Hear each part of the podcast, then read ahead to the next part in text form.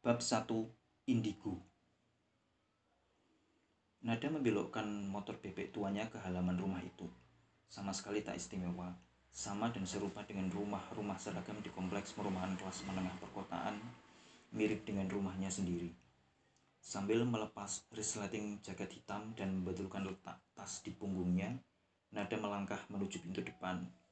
Dari bagian bawah jaketnya menyembul rok abu-abu sebatas lutut yang tampak jelas masih baru. Ia 15 tahun, berbadan kecil kurus, dan berkulit wajah kecoklatan agak gelap. Tak akan ada anak laki-laki yang secara khusus memperhatikannya, karena ia memang tak termasuk jenis cewek yang cantik, glowing, molek, dan seksi. Ia sendiri tahu badannya terlalu kerempeng. Kadang ia khawatir bisa saja mencelat kapur jika angin berembus lebih kencang sedikit saja. Pintu depan yang baru saja ia ketuk terbuka. Seorang wanita cantik berusia awal 40-an muncul. Nada menyapa sebelum ditanyai. Benu ada bu? Nada ya? Wanita itu balik bertanya. Betul bu. Wanita itu menepi memberi jalan. Silakan masuk. Benu ada di kamarnya. Oh ya, saya ibunya Benu. Mari saya antar. Mereka bersalaman, sama-sama tersenyum ramah. Nada menguntit ibu Benu melintasi ruang depan dan tengah yang penuh benda-benda hiasan.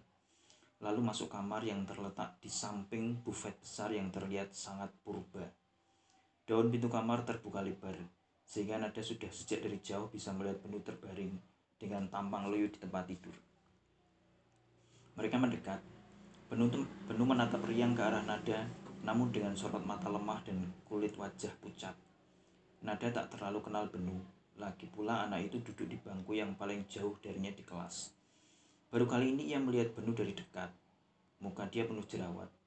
Bukan jenis cowok yang menarik bagi lawan jenis.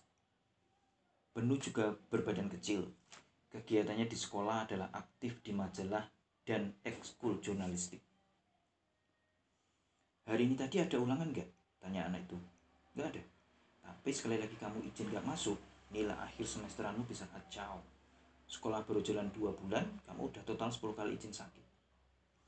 Sudah tiga hari ini Benu demam panas, kata ibu Benu. Senin Selasa kemarin masih saya suruh masuk, tapi hari ini benar-benar nggak kuat katanya. Itu sebabnya aku minta tolong kamu. Benu mengedipkan sebelah mata ke arah Nada. Saya bikinkan kamu minum Nada. Nada mengangguk. Ibu Benu melintas keluar kamar. Kini hanya tinggal mereka berdua di situ. Nada menaruh tasnya ke lantai lalu melepas jaketnya. Ortuku nggak terlalu percaya cerita-cerita seperti itu, Nat, kata Benu. Tapi mereka oke-oke aja. Siapa tahu kamu emang beneran bisa. Nada tak menyaut, hanya tersenyum penuh arti.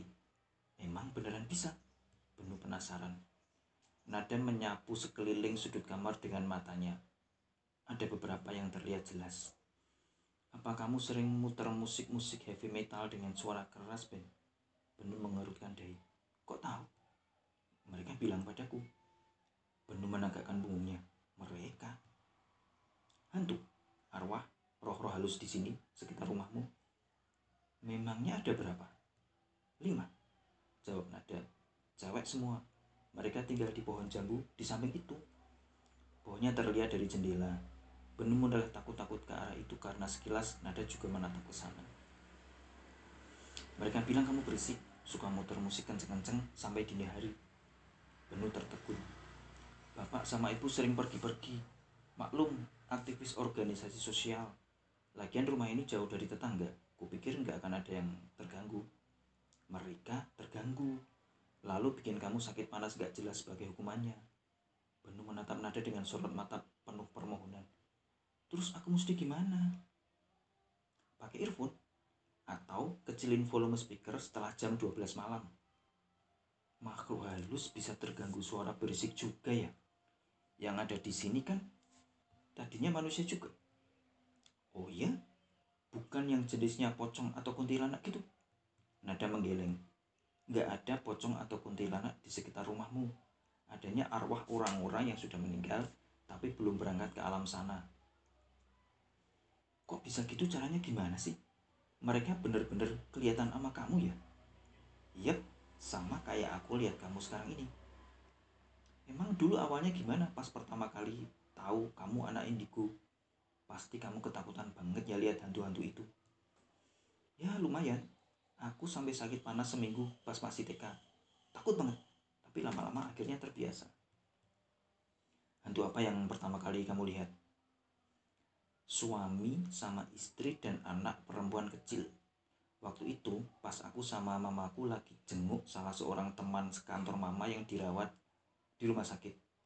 Pas di koridor depan kamar, ada tiga orang yang duduk bareng aku dan mamaku. Mereka kayaknya sakit. Baju mereka penuh noda darah. Lalu mereka pergi ke ruangan lain. Malamnya, pas aku di rumah, aku ngobrolin soal mereka sama mama. Tapi mama bilang nggak ada siapa-siapa lagi di sana waktu itu. Yang duduk di bangku panjang cuman kita berdua tok, mama sama aku doang. Penuh melungu. Dan habis itu aku lihat orang-orang yang gak dilihat orang lain. Barulah aku tahu mereka bukan orang, tapi mantan orang. Pernah komunikasi sama mereka? Hmm, beberapa kali. Mereka hanya mau bicara kalau ditanyai. Seperti barusan aku nanya kenapa mereka gangguin kamu. Tapi ya cuman gitu tok. Begitu kemauan mereka dituruti, mereka akan diam membisu lagi. Emang kamu nanyanya kapan? Sejak tadi kan ngobrolmu sama aku. Nada tersenyum. Kan bisa lewat pikiran, kayak telepati gitu. Mulut Benung membentuk huruf O. Ibu anak itu muncul sambil membawa nampan berisi segelas teh hangat dan stoples emping melinju. Obrolan terputus sementara. Nada tinggal di mana? Tanya ibu kemudian, ikut duduk-duduk di kamar. Di kompleks Gria Permata, Bu. Persis di belakang sekolah. Kamu sekelas sama Ben? Eh, itu tehnya diminum dulu. Nada mengaku dan tertawa. Iya, Bu. Iya, ini saya sekelas sama Benu. Ia menyeruput teh buatan ibu Benu. Enak, hangat, sedikit panas, dan tidak terlalu manis. Nada duduk di deretan bangku terdepan, sedang aku paling belakang, celetuk penuh. Eh, terus gimana tadi? Sang ibu bertanya pada anaknya. Sumber penyakitnya ketemu? Mereka nggak suka aku muter musik terlalu kenceng malam-malam kalau pas bapak sama ibu nggak di rumah. Ibu Benu, ibu Benu melungu. Mereka siapa? Benu sekilas melirik nada saat menyaut. Arwah di sekitar rumah sini.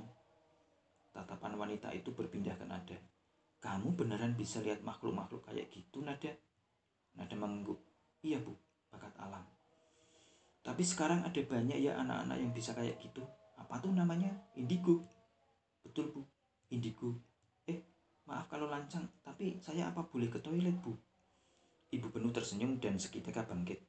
Oh, tentu saja. Ayo, ayo sini. Nada mengikuti wanita itu keluar kamar. Lurus saja ke dapur, kamar mandinya di dekat tempat cuci piring. Nada mengangguk. Ya bu, terima kasih. Ia bergegas ke arah belakang. Matanya mengamati sekeliling. Rumah ini sangat lapang dan berangin. Suhu sejuk meski tanpa AC karena terdapat cukup banyak ventilasi yang membuat sirkulasi udara menjadi sangat lancar. Ruang tengah persis di depan kamar penuh didominasi kursi dan meja rotan berkayu warna coklat tua. Buffet di sudut tak jauh dari pesawat TV layar datar di dinding juga berkecenderungan serupa. Di dekat ambang pintu menuju dapur malah terdapat sebuah lemari besar yang berukir luar biasa bagus. Ayah Banu mungkin membelinya dari pedagang barang-barang antik di pasar loak. Masuk dapur, Nada sudah tak punya waktu untuk memperhatikan situasi. Panggilan kandung kemihnya jauh lebih urgen untuk didahulukan. Ia menemukan pintu kamar mandi dengan cepat. Dan betul seperti kata ibu Benu tadi, letaknya memang persis di sebelah tempat cuci piring. Pintu kamar mandi tertutup saat ia tiba. Takut ada orang di dalam, Nada mengetuk pelan. Sepi. Tak ada sautan. Barangkali pintu kamar mandi memang selalu tertutup demi alasan kebersihan dan kepantasan. Ia dorong daun pintu dengan cepat. Mata melongo saat melintasi ambang. Angin keras dan kering saat menyambar. Ada celinguan Ini bukan kamar mandi, tapi pasar.